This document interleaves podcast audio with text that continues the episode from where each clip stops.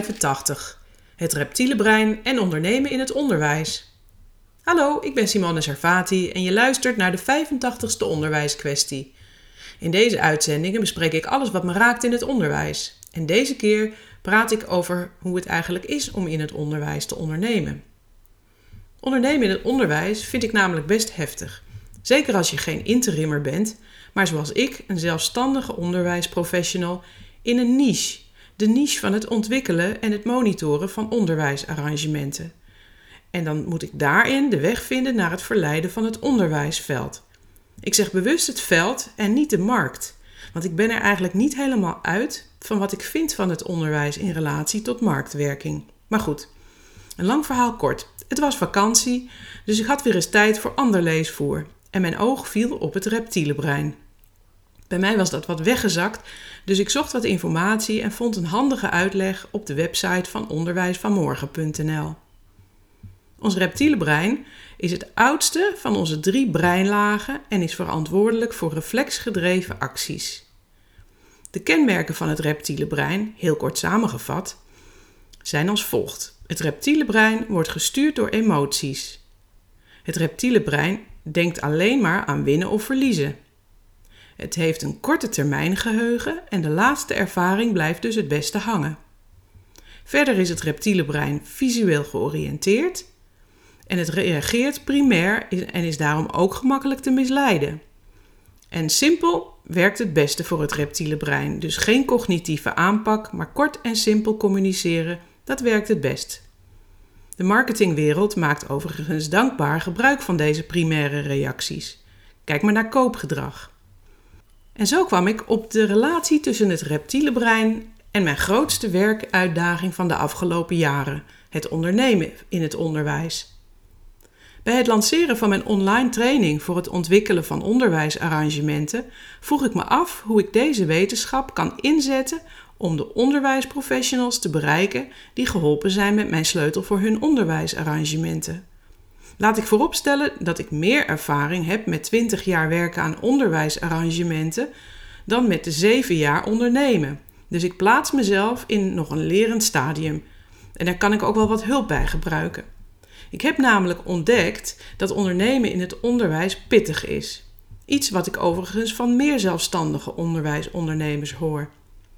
Aan de kant van de aanbieders is er een veelvoud aan bekende machtige onderwijsadviesbureaus en ik als onafhankelijke passend onderwijsadviseur en ook nog eens in de niche van onderwijsarrangementen ben alleen en geniet een nog beperkte bekendheid.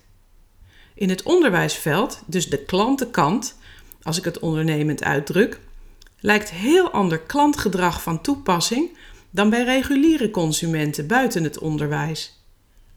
Wat ik daarmee bedoel, zal ik toelichten met een vijftal stellingen die ik heb afgeleid uit praktijksituaties en die ik als onderwijsondernemer ervaren heb. In het onderwijs is het altijd druk, dat weten we allemaal. Er is nooit tijd, maar er wordt wel heel veel gepraat en gedraald en de besluitvorming is traag. Het lijkt de modewereld wel. Als je een dienst wil aanbieden voor de start van een nieuw schooljaar, dan mag je zeker wel een jaar van tevoren al beginnen met een nieuwe collectie. Het tweede wat me is opgevallen is dat men in het onderwijs gewend is dat de baas betaalt voor professionalisering. Het investeren in de eigen ontwikkeling is niet gebruikelijk. Verder is het me opgevallen dat in het onderwijs men graag eigen wielen wil uitvinden. Hulp vragen, ook aan experts buiten de schoolorganisatie, staat voor onkunde. In plaats van voor een professionele houding, dat je niet alles zelf kunt en hoeft te weten. Verder wordt geld uitgeven aan ondersteuning eerder beschouwd als betalen in plaats van investeren. Even een vraag om op je in te laten werken. Wat kost een onderwijsarrangement dat niet functioneert? Voor de leerlingen, ouders, leraren en schoolorganisaties. En wat zou een onderbouwd advies dat dit voorkomt besparen? Of wat kost een leraar die uitvalt door te hoge werkdruk? En wat zou professionele ondersteuning, die al dan niet tijdelijk wordt ingehuurd, opleveren? Ook als men het al heel druk heeft, wordt niet snel gekozen om een expert in te huren die tijd, ervaring en deskundigheid heeft om een project degelijk neer te zetten of de ondersteuning, bijvoorbeeld in relatie tot onderwijsarrangementen. Komt jou dit bekend voor? Herken je dit? En erken je dit?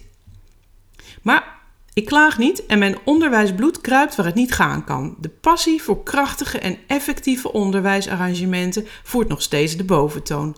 En het is mijn wens om toch graag meer onderwijsprofessionals te bereiken met mijn expertise in onderwijsarrangementen. Daarom wil ik me inspannen om beter te doorgronden, te begrijpen hoe het onderwijsprofessionals als klantbrein werkt, voordat men overgaat tot de aanschaf van een training en of het inhuren van adviseurs.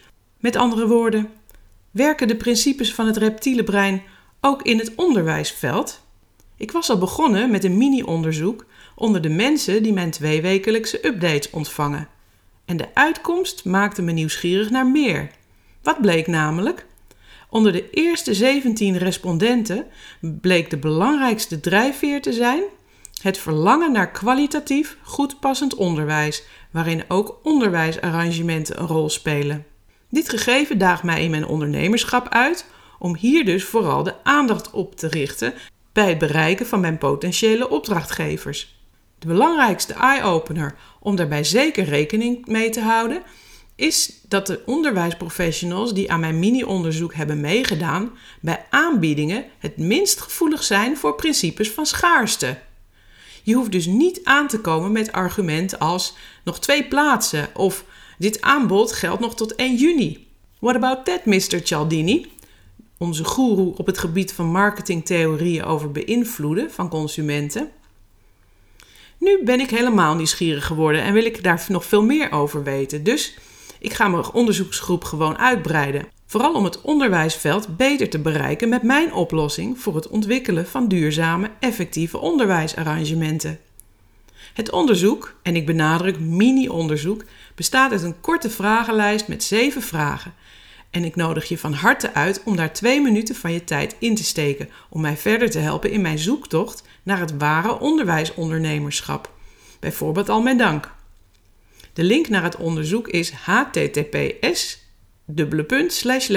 nl.surveymonkey.com r reptiel en onderwijs.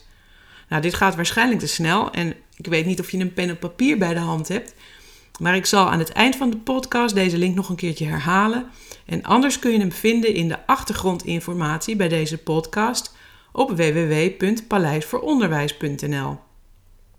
Oh ja, en dan nog even voor jouw informatie in het kader van de privacyperikelen voor ondernemers. De reacties behandel ik anoniem. Ik verzamel geen persoonsgegevens, IP-adressen of andere privégegevens met deze vragenlijst.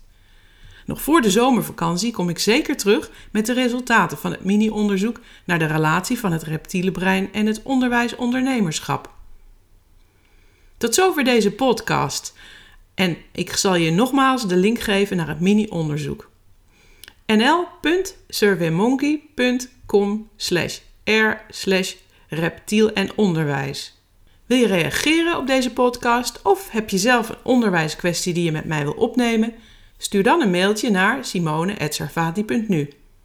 Als je het interessant vond, deel deze podcast dan of abonneer je op de onderwijskwestie.